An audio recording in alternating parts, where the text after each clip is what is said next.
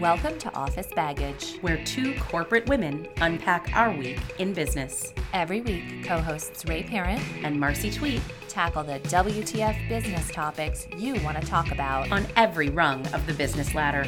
Bring your baggage. We'll unpack it. This week on Office Baggage.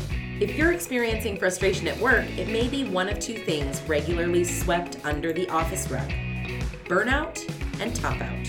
How to know if you're there and what to do next. Hey, Ray. Hey, Marcy. Happy Friday afternoon. Typically, when we record on a Friday afternoon, it's closer to Friday evenings, and we're doing so with a beverage. I just got a Diet Coke. There's no booze. I do have booze in there, but it is um not- Birthday. It's birthday booze. It's birthday booze. Someone gave me birthday booze, but it's not cold, so you can't drink cold um, Veuve Clicquot. No, you can't drink warm. Um, and also, there's rules here around outside alcohol, and we wouldn't want to break those. We- We, we never really tested the waters on whether there were- you could bring in a closed container. I'm going to say yes. That seems totally. Yeah, I mean, I think like as a gift, like I'm getting it. I'm it's bringing in closed and it's leaving closed, so I think I'm okay. I think I'm wondering if there's gray space if I were to bring in a really nice bottle of bourbon closed, and then it were to leave also closed, but maybe with a little having had evaporated, if that would be okay. that wouldn't be your fault. Evaporation is science. Evaporation is just something that happens to bourbon. It's not our fault. It's in the ether. So we had uh, three hours of managerial finance, our last managerial finance class. We've spent the last three hours learning about puts and calls and callable bonds and options. And yeah, Yeah. my coffee's not doing it for me right now.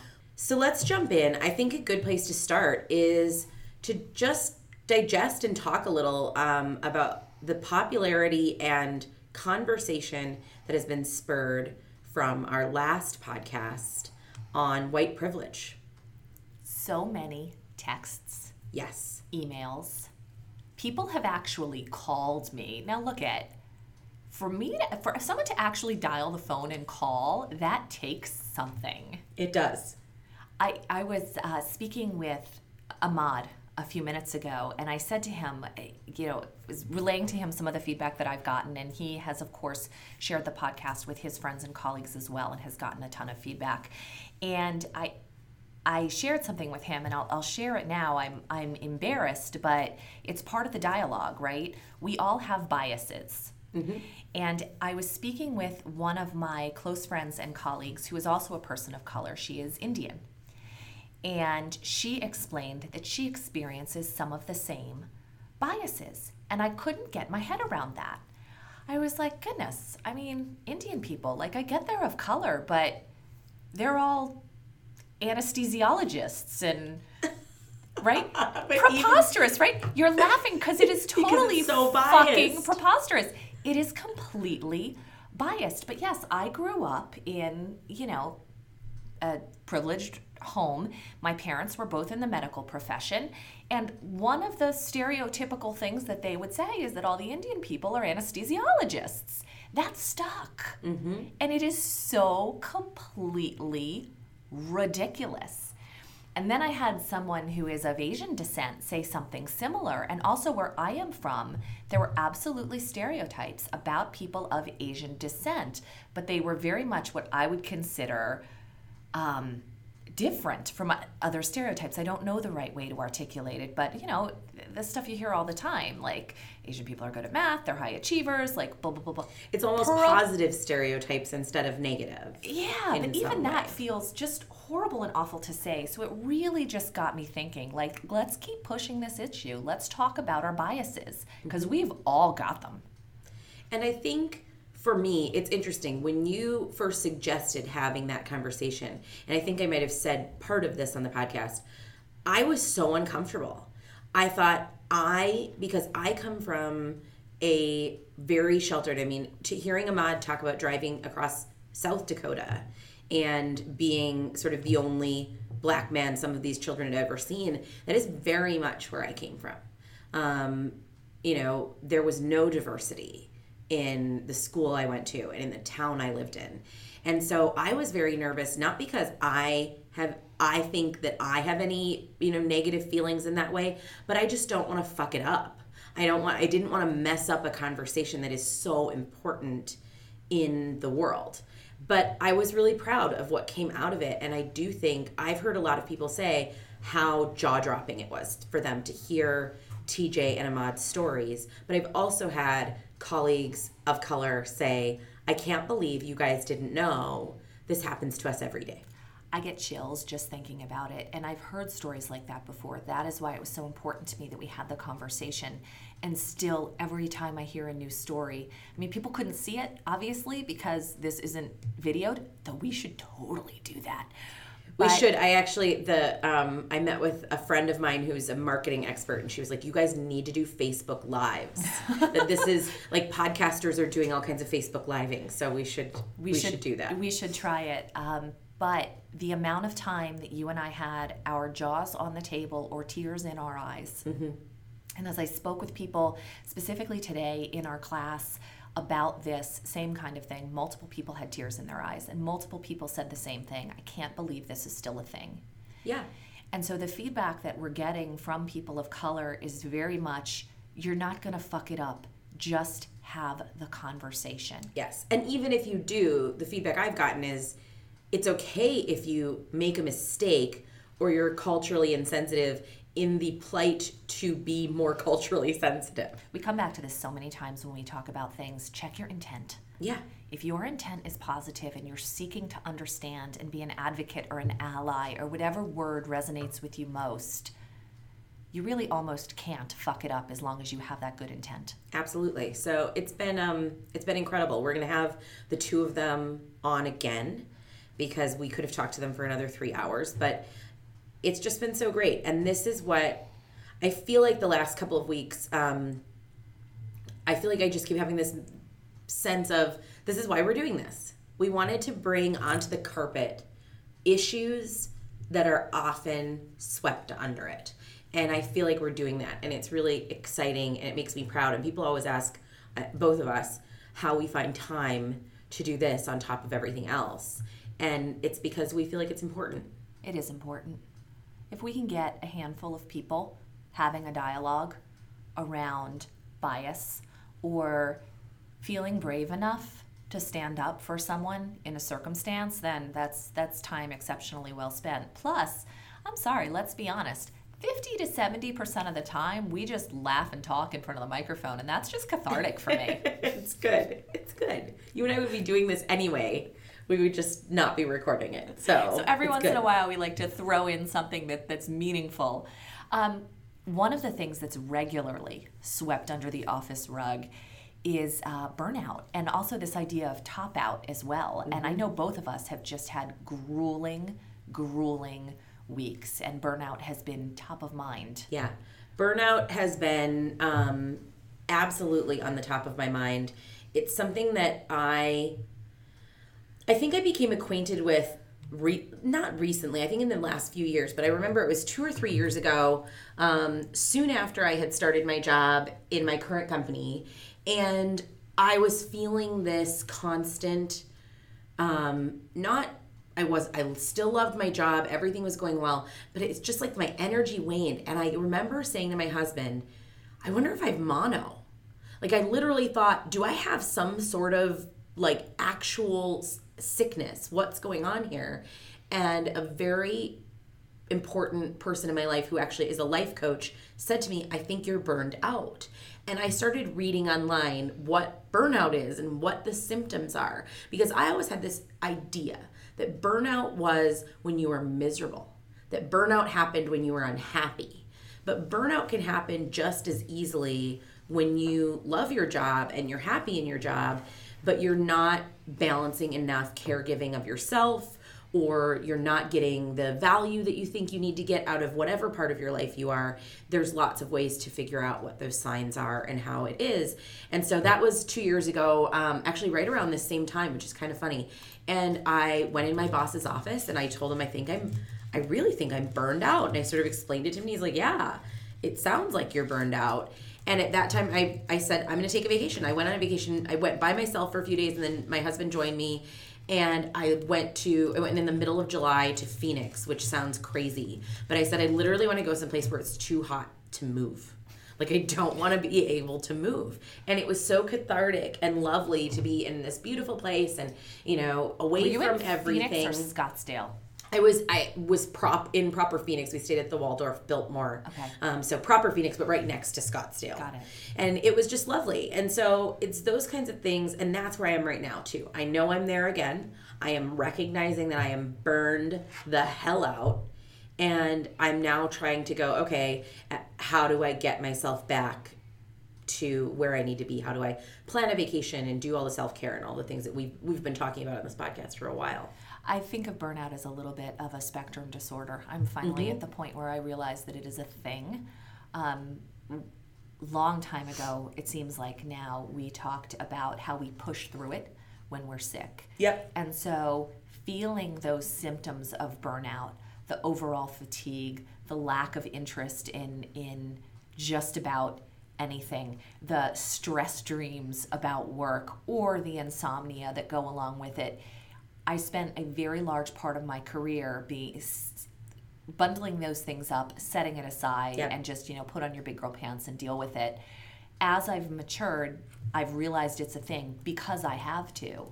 The actual burnout that I felt three and a half to four years ago was causing physical symptoms. It was causing heart palpitations. It was causing acne, um, which is just horrible. I mean, wrinkles or acne, pick one, Mother Nature, right? but I actually wound up fainting a couple times and I was mm-hmm. I was with my cardiologist and he explained to me that it was time to set aside my bias around stress being non-existent and for weak people and understand that it is very real and there are physical manifestations. And I think burnout, the thing that I've learned about burnout that I find really interesting is that it's not just you can be experiencing and be on the brink of burnout even if you are not super stressed out. Burnout doesn't always come. I think we think of burnout as a literal, like your match is lit at both ends kind of burnout. But burnout can absolutely come when you're feeling uh, not valued enough. It can come when you lose connection to the why in your work. So it might not even be that you're working 80 hours a week and that you need to cut back.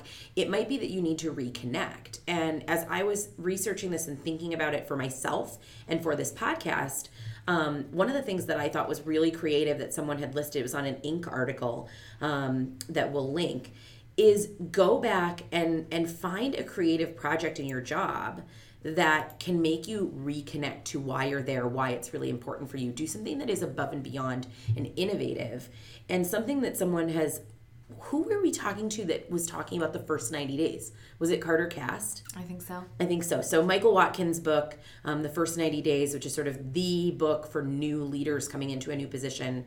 Um, even if you've been in your position for a while, redoing the steps in the first 90 days can be life changing. And so I re-downloaded my Kindle version of The First 90 Days. I'm going to read it when I'm on vacation and sort of try to come back to my job after this huge busy time in school and taking a vacation and a break with a fresh set of eyes and a newly innovative mindset about okay i've spent the last four years in this job doing as much as i can to innovate. What's the next gen? Like what's coming up? And how can that sort of get me back to my why of why i'm here and and what's important to me in my role It's wonderful that you have that time to be able to step away and do that. I know that that's not coming soon enough. It never does. I know. Um, probably after. It's like our- it's June 9th. I think I'm going on vacation July 1st. So it's like I'm getting I'm not I'm just going to like grit my teeth and bear it until that point. and that's that's wonderful that, that you're you've got a countdown and you have the amount of time to do it um, or you've set aside the time to, to take that time and you're coming up with a plan mm-hmm. sometimes it helps to have a plan to refresh even if you're not in those moments able to refresh Right. I um I switched jobs this week. I'm extremely excited about it. I'm with a brand new leadership team. We are all brand new mm-hmm. and we are trying to figure out how to architect our organization for the future. And there's a massive transformation of morale that comes along with that. Mm-hmm. But we're spending 20 to 25 hours a week behind closed doors trying to figure out how we break the organization without totally breaking the organization. Right? That's a lot of time. it's a lot of time. Then there's coming up to speed on everything going on in my new sphere of accountability. Oh, and by the way, my old job hasn't been refilled yet. So I'm still getting demands um, from my chief of staff position. And I ha- still have two wonderful seven year olds. And thankfully, I have a husband who is incredible, truly a partner.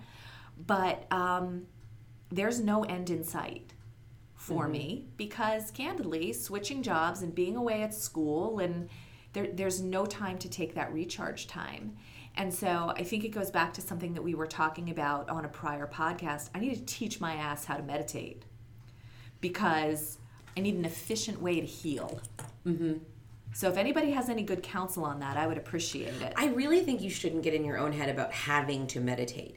Like, what is a, I think a meditative state is a lot of things. And so it's like, I think the point of meditation um, is to figure out how to shut off a little. And it sounds like boxing is doing that for you. We talked about this on the last podcast. So I think that sounds like that's happening. For me, I have one of my biggest things. Um, I actually started this this week. I found this new app, which is called huh, Done. It's called Done. And you go and you put in like the five or 10 things you want to make a habit of doing. And every day that you do them, you like tap the app and it gives you like a little line that's like, yay, look, you did it. Oh, um, nice. Which is nice. But my my things are um, my biggest thing that is to me meditative. I have one that says go to the water. Like being on water, just sitting. Like I don't need to meditate. I can like just sitting and enjoying the lake or enjoying the river or whatever that is, or just get outside for 20 minutes. That's one of mine is get outside for 20 minutes. One is go to the water. One is drink water. Um, you know, so it's those kinds of things that it's like find out the thing that clears you. And it doesn't have to be like um, you know, but find the thing that clears you and do that every day. So whether that's active or inactive. So i can drink bourbon Yeah, I think you're putting too much pressure on yourself to meditate. I I feel like a failure. It's one of the first things that I've I've tried that I've really failed at. Like I'm just I'm Well, wait, wait, wait. I don't think you failed at it. Maybe you don't like it. oh that's a that's a different way to look at it and a very positive way to look at it. Maybe you didn't enjoy it. Like I hate um like I hate Zumba. I hate anything related to that. Like I'm never going to do it again. That doesn't mean I suck at it. That's true. Maybe you just don't like it. Maybe I just don't like it. I mean, it's a very um, Find another way or listen to a podcast. Like go sit outside for 30 minutes and listen to a podcast. Listen to a different podcast or listen to something listen to something that's like not stressful podcast, like a funny, you know, uplifting oh, thing. Uh, who's the funny person we were listening to for a while? Liza Shlesinger. Yeah, go listen to Iliza. Yeah, That'll make yeah. I mean that L- to me that's more mind clearing than being in your own head for 30 minutes. That's true because my own head is a scary place to be. I can't seem to be able to clear it out. And Mm-hmm. candidly, I'm not sure that I'm, I'm not sure that I want to all the time. Yeah. Sometimes it helps. I find um, one of the tips that I read in one of these articles I pulled up on burnout um, from Lifehacker was keep a work diary. Um, that you know to write down your accomplishments and be inspired by them and then be able to identify the things in your job that you like and dislike um, and then that makes it easier to sort of pick out what your projects are what your achievements are and it can be a little bit of catharsis for those crappy crappy days and crappy moments That's a wonderful suggestion. Yeah. I keep journals for things and I find them to be very fulfilling. And I like that Done app. It's just another great way of- Yeah. of, having a list of things and feeling a sense of accomplishment Mm-hmm. associated with taking time for yourself.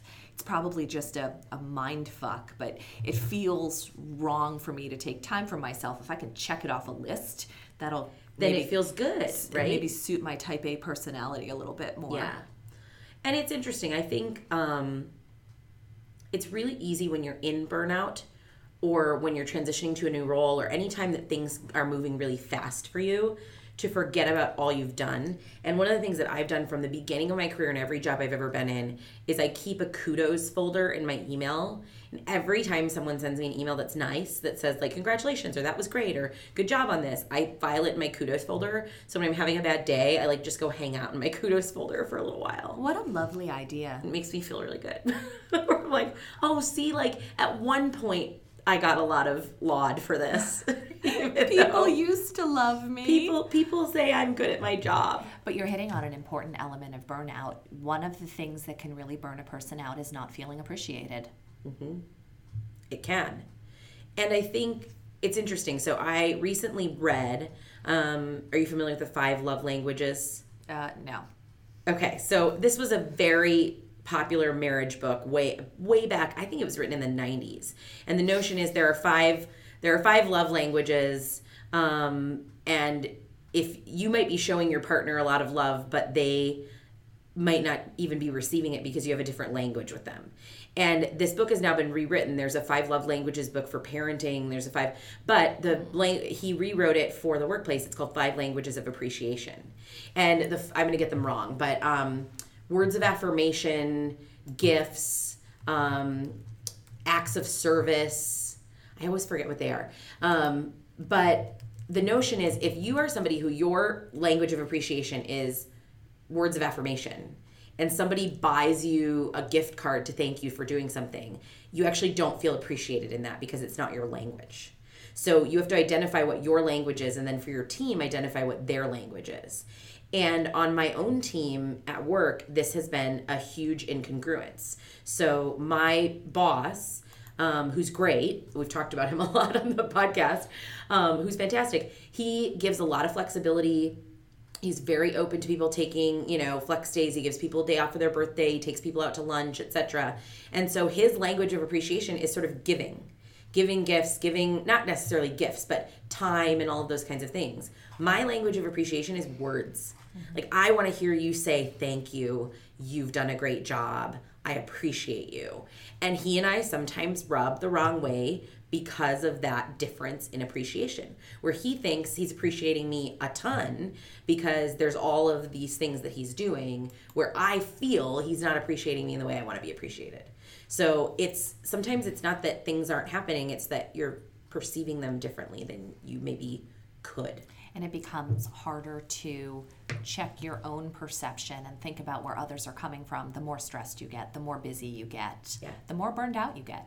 And i think another thing that contributes to it and and this is a woman thing and especially a type a woman thing is death by perfectionism. You're laughing because you're like that's me all the way baby. Oh it's you it's me all the way. Yeah. Yes. Yeah it's absolute death by perfectionism. And, you know, I see it in you because I have the same, I'll air quote, flaw. Mm-hmm. But, and I've heard it from people before, people have said it to me. But as you and I have started working together on things like this podcast, or as you've stress texted me at, you know, 11 o'clock at night because you might get half a point taken off of the accounting final, sometimes you have to see it manifest in another person mm-hmm. to say, oh, that's really unhealthy. I do that. Yeah. That's what that looks like. And, and I do that. I see it now. Mm-hmm. You kind of hold a mirror up to a person in a way. Mm-hmm. But when we were interviewing the young women from EZA, mm-hmm. one of the points that Kim made was that she consistently checks Allie how much incremental value, Allie, are we going to get out of the extra mile that you're putting into right. this task? And so having that in your life is incredibly helpful. I think it's very important for perfectionists to have someone like that in their life. That said, when my husband tries to rein me in like that, I just yeah tell him that he's no help and the reason I have to do everything is because he half-asses everything. But I still appreciate him trying. We've all had that conversation with our husbands. I think every woman in the world has had that conversation with her husband. Oh God. Yeah, I think it's really hard. So that contributes as well. But I think the good news is that burnout is recoverable. Mm-hmm. Step one is really understanding that you're in that space and that it's a thing and that other people go there too, mm-hmm. and that it's not about not liking your job. No. And it's not even always about, as you pointed out, working 80 hours. It's about maybe having some dissonance with regards to your higher purpose. Mm-hmm. And so it's finding that balance and getting back to where you need to be. And I think it's really powerful just to name it and to say, be able to say to your coworkers and even to your staff, I'm feeling kind of burned out right now. Here's what I need to do. Here's the plan we're putting in place. I think that's okay. And we we put ourselves in this position where we think we cannot crack, we cannot show weakness, and it just ends up backfiring. It's so dumb. It backfires all the time. All the time. If you do not show your staff or even your peers that you are human, what they automatically infer from that is that they are not allowed to be human in your presence. Mm-hmm. That's the expectation that people get from you, no matter what you say. When this used to happen to me all the time, I would tell people to take vacation, but I never took vacation. Yeah. And so, what was my reputation? That I expected people to work on vacation. No, I didn't. I just chose to. I've had to calibrate how I interact via email when I'm out of the office so that it doesn't set an unconscious expectation with my staff. Right. I was talking with a good friend about this. Um, uh, Sara Holoubek. She leads um, a very cool um, agency called Luminary Labs that does strategy work. Um, and they have created this. I don't know what you'd call it, a manifesto. If Sarah listens to this, she's going to be like, You've heard me talk about this a hundred times and you're getting it wrong. Um, called the Human Company Playbook. And part of it is about running a human company that allows people to explore and and have balance and be human and all these things. And Sara, um, one of the things that they do, and I don't know the exact hard and fast rules, but essentially they don't email on at nights and weekends, and it's a part of their company sort of ethos. Um, but Sara said sometimes for her as the the CEO, she needs to get emails out. And so she said, she told me a story about going and getting some emails out to her team and writing an email that said, Everyone, I want you to know that for the next few hours, I'm catching up on email. Please don't feel the need to respond. I'm not expecting you to do. I'm just getting through my own stuff, right? So she thought, okay, great. I'm being, I'm, I'm doing my human playbook thing. I'm doing exactly what I'm supposed to do. Two hours later, there's another email from somebody else in the company that's like, I'm cleaning out my email too. Oh. And she said, how fast in a company that has worked so hard at being this human playbook thing, suddenly there was one upping coming again. And it's just in our nature, you know? So it's some of those things. It's like, let your team be humans, let your team, but you have to be human in order for your teams to be human. Part of being human is being competitive. We are animals. That's true. think- That's true. Ahmad said it on the last podcast. We're wolves, right? Just like them. But so part of it, you know, it is okay to have space for being competitive, but it is okay as a leader to have time where you're expected to shut down. Mm-hmm. Yeah. It's so important. It's so important. I had to have a conversation with my team back in my consulting days. And look, consulting is wonderful, but they put you in leadership roles far before you're ready for it. And so we got into pity over time to the extent that it was just preposterous. I'm not talking eight, nine o'clock at night. I'm talking two, three in the morning. Yeah. And then being back at seven o'clock in the morning. Mm-hmm. And, you know, we had the adrenal glands for it because we were in our 20s. Right. But when you talked to people and you asked what they were working on, they weren't really working on anything at that point in time. They were staying because someone else was staying, who was staying because someone else was staying, mm-hmm. who was staying because someone else was staying. And one of the first experiments that I ran as a manager was look, if Marcy can get her work done in four hours and be out of here at five o'clock, and you're still here at midnight, I'm actually questioning your competence for the job. Mm-hmm. And that completely changed my little work cell, which was all of three people. But we had a horrible reputation and in our project team. And I actually got really dinged as a manager because my manager was, of course, someone who was maybe six months more experienced than I and was very mm-hmm. steeped in this pity overtime culture horribly detrimental but it cycles nobody it's just this wonderful example of group craziness Nobody Right. has any idea what they're fucking doing here, but we're all gonna sit here until one of us passes out. Yeah. Yeah. It's crazy. It's crazy. I hope that's changing. I think companies in general are realizing they need to have a more human approach and they need to have a more balanced approach. And I hope that's changing in some way. I hope so. Yeah. I don't know. I'm I'm long out of that consulting lifestyle, and I'm very grateful for the time I had, but I couldn't go back. Oh, yeah. No, I know. I hear you. So, the other thing that we've talked about in this um, topic of frustration in the workplace and what are the what are the um, symptoms when you are very frustrated at work one of those things obviously is that you're burned out but the other thing we've talked about is um, frustration can sometimes feeling come from knowing or not quite knowing that you've topped out so you have some interesting theories about what topping out looks like and how you know you're there We've talked a lot about the impressions that we form. And there's a certain and the brand, the personal brand that we that we form. And there is a certain point at which your personal brand is so established that you may be a bit typecast. And so there have been points in my career where I've realized that to get to that next level, I needed to leave because when I started in a certain company, I was 22.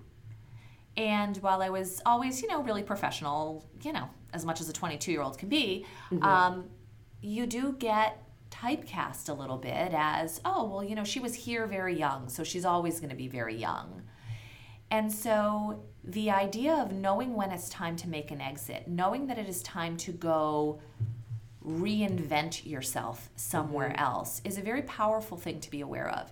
It can be very, very difficult to let go of everything that you've built in a company, especially when you're thinking about the bonds that you form when working so hard. Mm-hmm.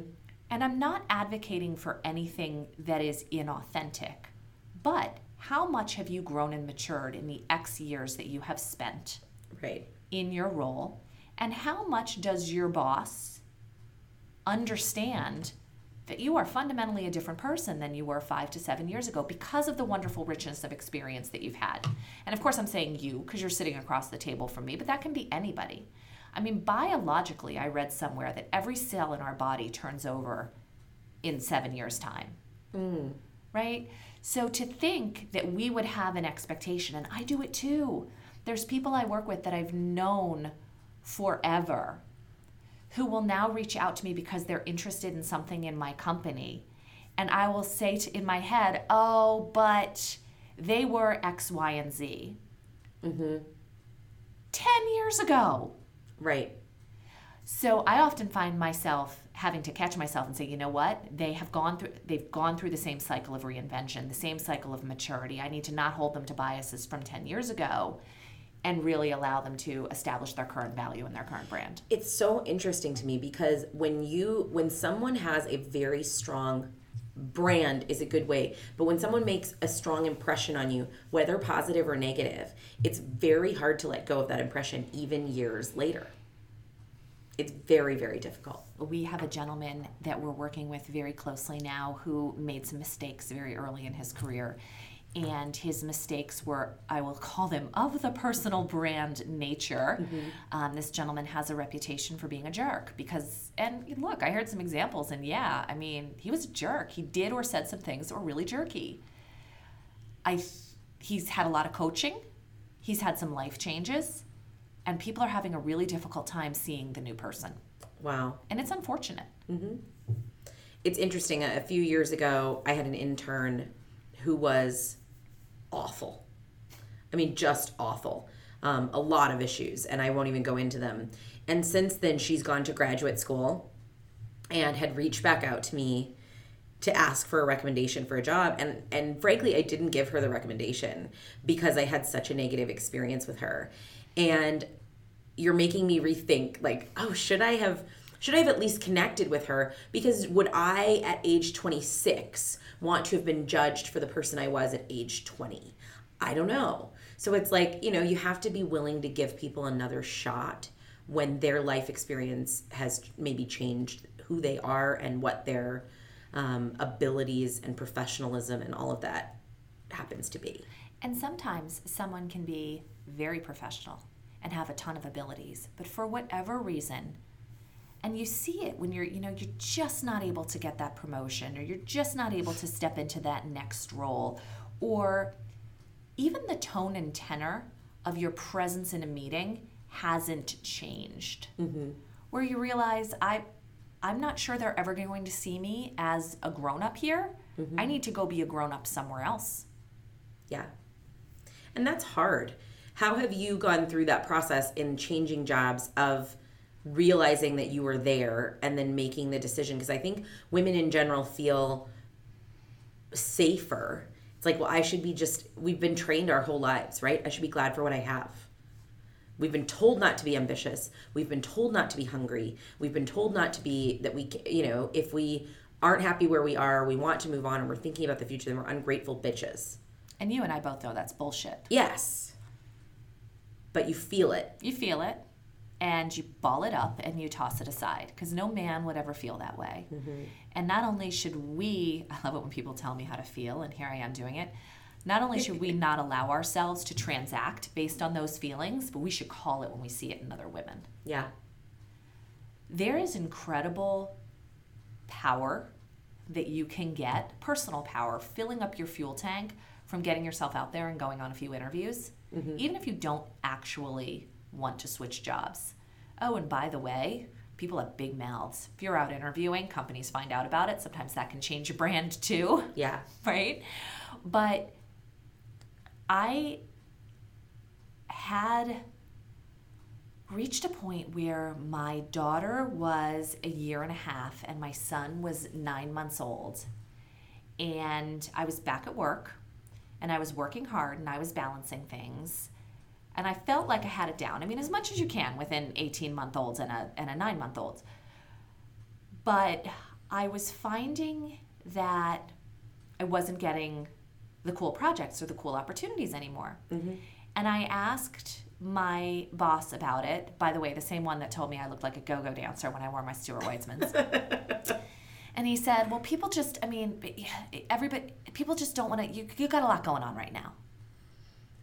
Okay, mm-hmm. but that's mine to manage. Right. I will, I will cry uncle when it's time.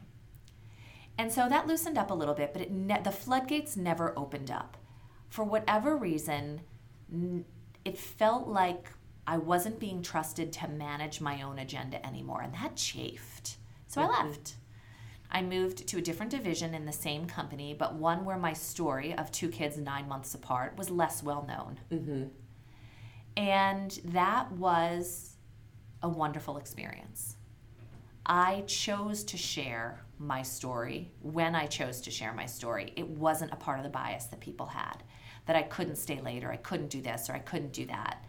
Mm-hmm. And which was, by the way, preposterous because it was the, that company. People were leaving at four o'clock, even if they didn't have, you know, kids or commitments outside of work. So that was that was really the first time that I spotted something and made the change. Mm-hmm. Um, and it was, yeah, it was hard. It was really hard because you always feel like you're you're leaving your comfort zone. Yeah. I have a couple of colleagues though who spotted it more because they were already doing the next level job and they kept hearing from their management team you just need a couple more months in role. You need a little more seasoning. We're just not entirely sure that you know you've got it all 100% down when they've been doing the role for 6 months. And that that really at that point you know like it's time. Right. I, I think I've had that I've had that experience in my career. Um, I was working for a nonprofit organization um, and my boss at that organization left the organization, and for months I did her job, and it the writing was very much on the wall that they weren't going to give me that job, and I think honestly at that time in my career it was I they felt I was too young. Even if I was succeeding at the job, they felt I was too young to have the title. And I left and I and that was the right thing to do to have to leave. And um, I remember I it was when I took my job. Um, at the next job I took in, in fundraising, I had gone through the interview process. It was more money, it was more responsibility. I loved the people I interviewed with. And the day that they finally gave me the final job offer, I sobbed in my car. I remember I called my dad and I was like, I don't know, I don't know what to do, I don't know what to do, I don't know what to do because I felt this very strong. I think this is a nonprofit thing too. Uh, the job I was in, I had just a mission connection to that that I've I've never had a deeper connection to a mission than I did at that job. Um, and so the idea of leaving that organization felt very disloyal. And I remember hanging up the phone for my dad and saying out loud to myself in my car, What are you doing? Like, why in the world would you not take this job? And I called the person who had made me the offer back and countered and did all the stuff right away. But it was, it, it was very hard, even though the writing was on the wall. They weren't going to give me the big job. Um, they weren't going to give me a big raise. I wasn't going to get the credit, even though I knew how I could do the job. It was time to go. We feel this sense of loyalty and we feel that we should be grateful for what we've been given. Yes. And I'm tempted to make the generalization that that's just women, but I don't think it's just women. And and candidly, No. a, a colleague in class here educated me a bit on that. I do think we're a little worse about it. Um, but our, you know, our whole lives we're told things along those lines, like be grateful and what have you. So it is. It can be hard, but It you- no one's looking out for you but you. it's hard i one of my colleagues um, that is in, at my current company his mom was an hr person and from the time he started in started working her mantra to him was always the company can't love you back the company can't love you back so you're being loyal to this company but it physically can't love you back. Like it can't give back to you. You are the only person who can give back to yourself in your career and and take the time. And it's i think it's just really hard to admit if you're there when you're there um, And how long does that loyalty last? It is, I'm not saying that we shouldn't be grateful for the opportunities that we're given at work. I am very grateful for the opportunities that I've been given. Sometimes I'm given something and I'm like, holy crap! Yeah. Right? What, it, what an incredible honor to be trusted with that kind of thing. But that is not without an end date. right And that is not a charity that my company has given to me. There is no, I earned it.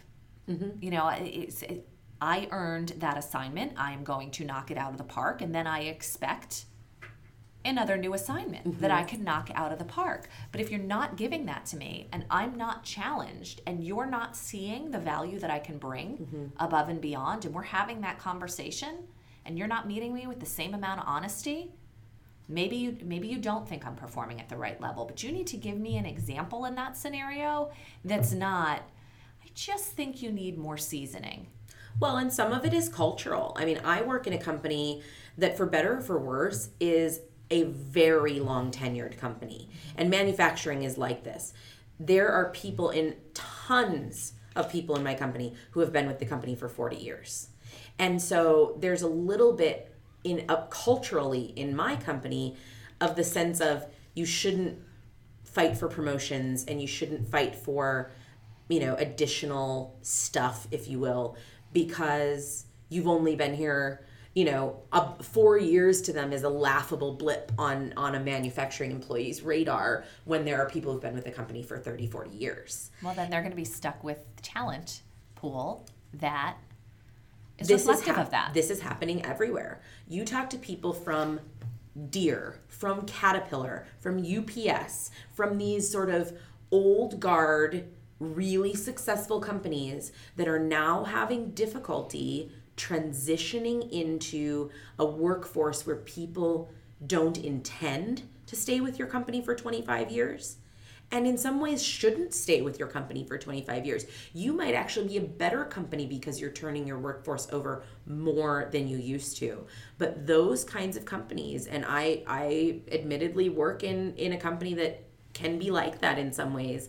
Um, those kind of companies are going to struggle in this new generation of workforce, I think. We're going through that transition in my company. We're a 166 year old financial services institution based in New England. So you don't get a hell of a lot more traditional than that. Mm-hmm. But yes, typically you will find employees that have been there for 20 or 30 years, and we're doing a lot through the leadership levels to try to change that.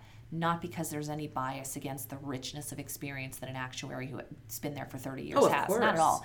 But the workforce is changing and has different expectations with regards to how to engage in their work and how to drive value. And the work is changing. And so we're shifting and we're doing the kinds of things that have traditionally been very hard for older institutions, like managing talent out when the time comes. And the response is very polar. Mm. And so we'll see things on the news after we do a round of layoffs because maybe we have outsourced a function or we've enabled it robotically. And it basically comes down to this sentiment that we have broken some kind of social contract with our employees. When are you going to take care of your employees? That is so true.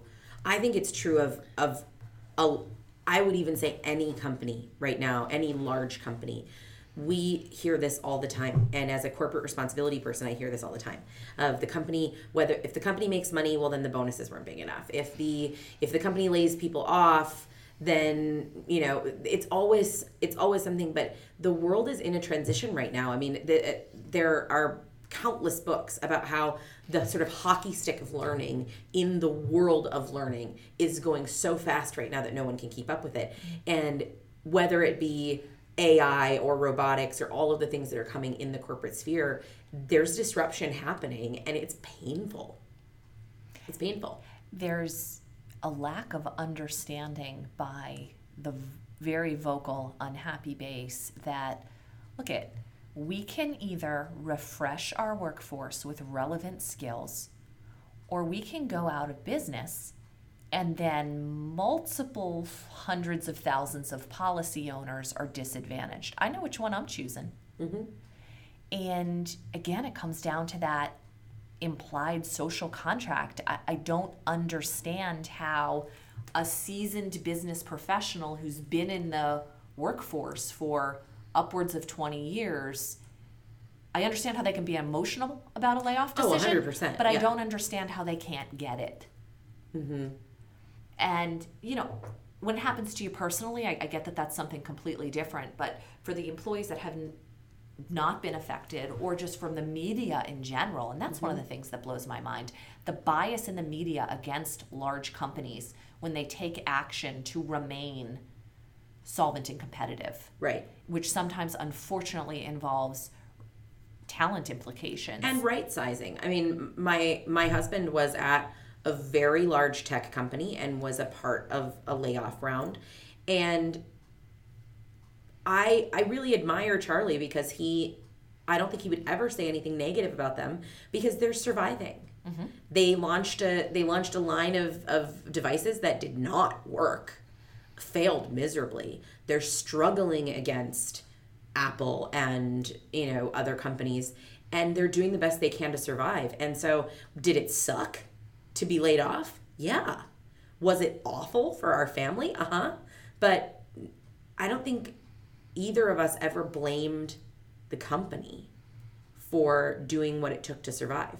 And that's not to say it's not personal and, do- and it doesn't sting. Of course it stings. Of Right? I love people who are like, it's not personal. Of course it's personal. I'm at work 10 hours a day away from my kids. That's personal. Oh, that is my pet peeve, and I'm so goddamn sick of it.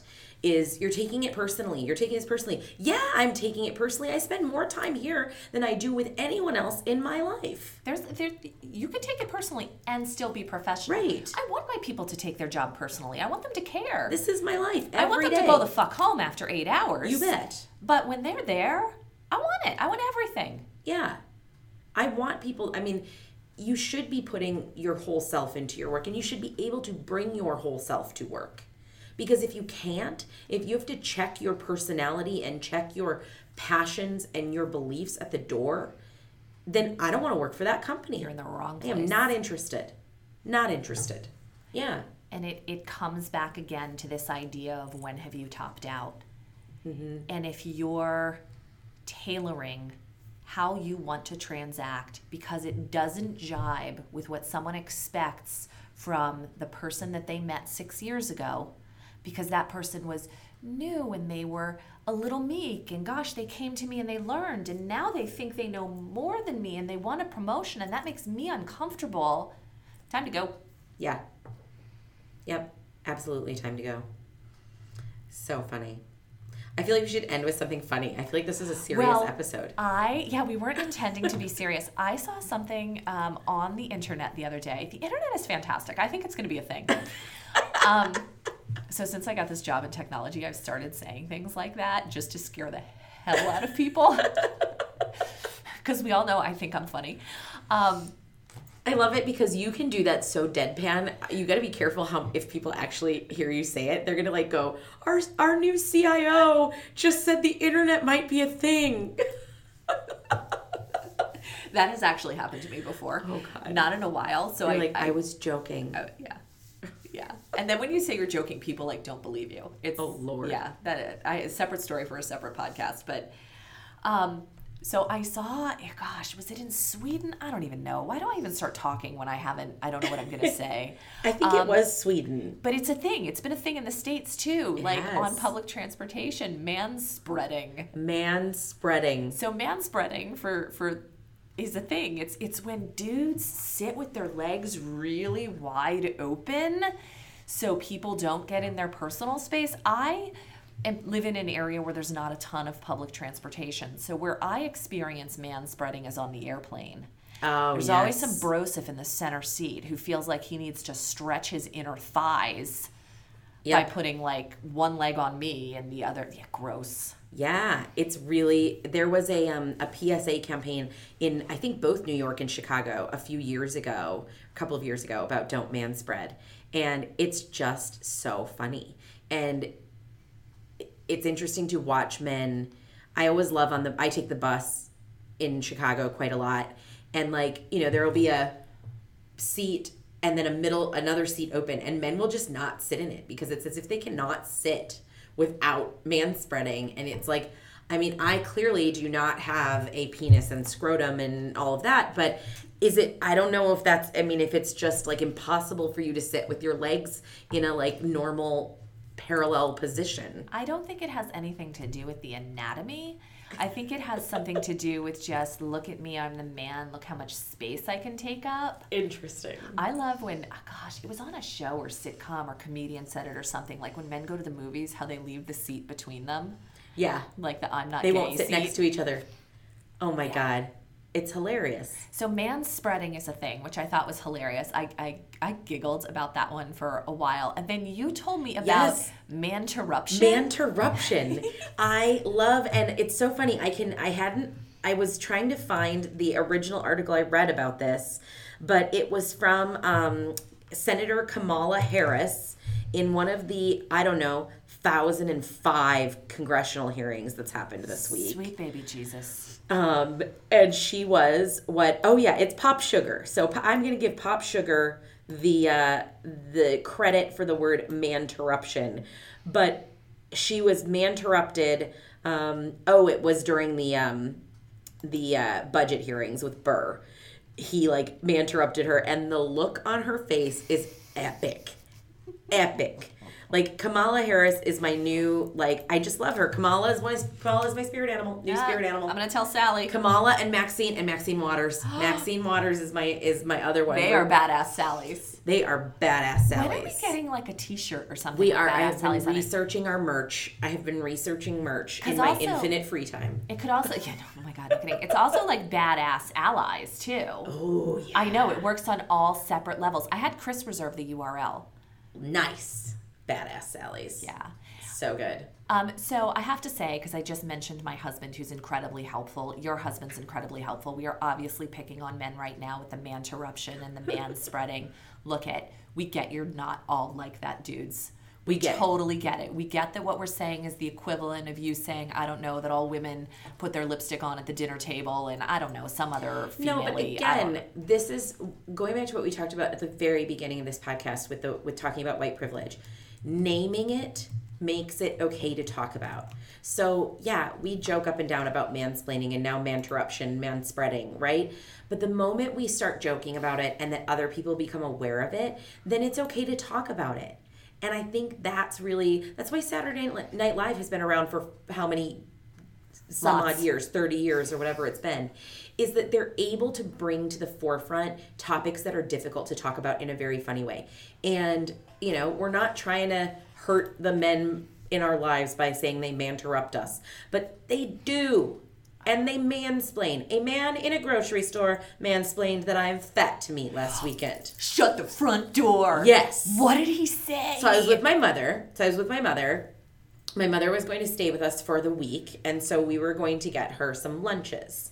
And my mother likes lean cuisine. So we're in Target, we're walking down this aisle, and I'm looking for the lean cuisine. And like the words that came out of my mouth were lean cuisine. Like I said, you know, okay, so it's lean cuisine that you like, not it's like which brand is it? Yeah, lean cuisine. So we walk over, and there is a man, older gentleman, but a man who is legit over 300 pounds. so not lean. No, not lean. Legit over 300 pounds, looking in like the same area. He had like a door of the freezer section open, right? He turns around to face me basically because he's in the freezer section I need to get in for the lean cuisine. And he's 300 pounds, so He you can't go around that shit. Up and down. He like literally did the like man look up and down my whole body and then said, "Yeah, probably a good idea, huh?" And hands me the lean cuisine. And then you proceeded to shove it up his ass. And I was like, "Oh Jesus." And I just turned and walked away and I was like, "Are you fucking kidding? Like are you kidding?" And my mother was like, "I don't know. I mean, I, think he's just being stupid." And I'm like, that man just like mansplained my fat. Like, I realize you looked me up and down and you said that, and you're like, yeah, you need to eat a little better. I'm like, you need to eat a little better, fat dude, with your like suspenders and your belt up around your armpits. Like, come on now. It was a whole thing. I'm not entirely sure if that's mansplaining or just rude as fuck, but I can't believe it happened. Yeah.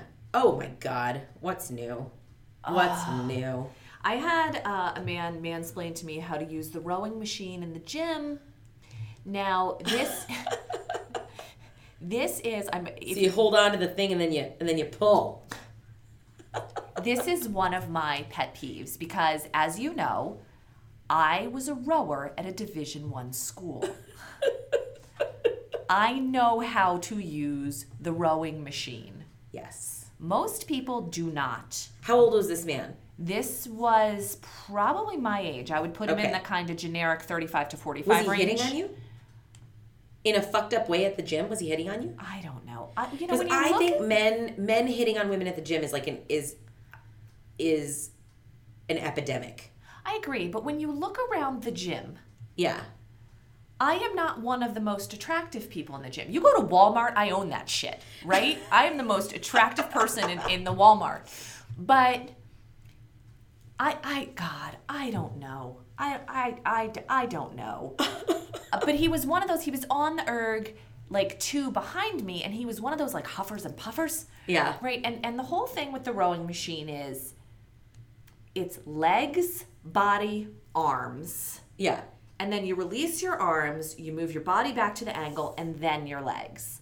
Right? And typically, what you see is people like using their arms first, jumping their arms over their knees, then driving their legs down. Have fun at the chiropractor, douchebag. right? And so he was doing that really, really fast. And he's like, he comes over to me, he's like, Do you think you're getting the optimal workout? Oh doing it that God. way. And I said, Well, yeah, I do think I'm getting the optimal workout doing it this way because I'm doing it Correctly. correctly.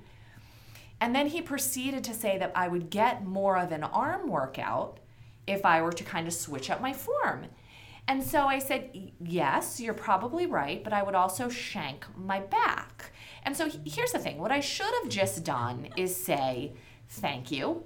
But I felt that, and, and, but you know, the kind of thank you which is clearly more fuck you than thank you. Yeah. Bye, Broseph. Exactly. But I chose to, you know, try to engage this person in a dialogue because he was going to hurt himself. Oh my gosh.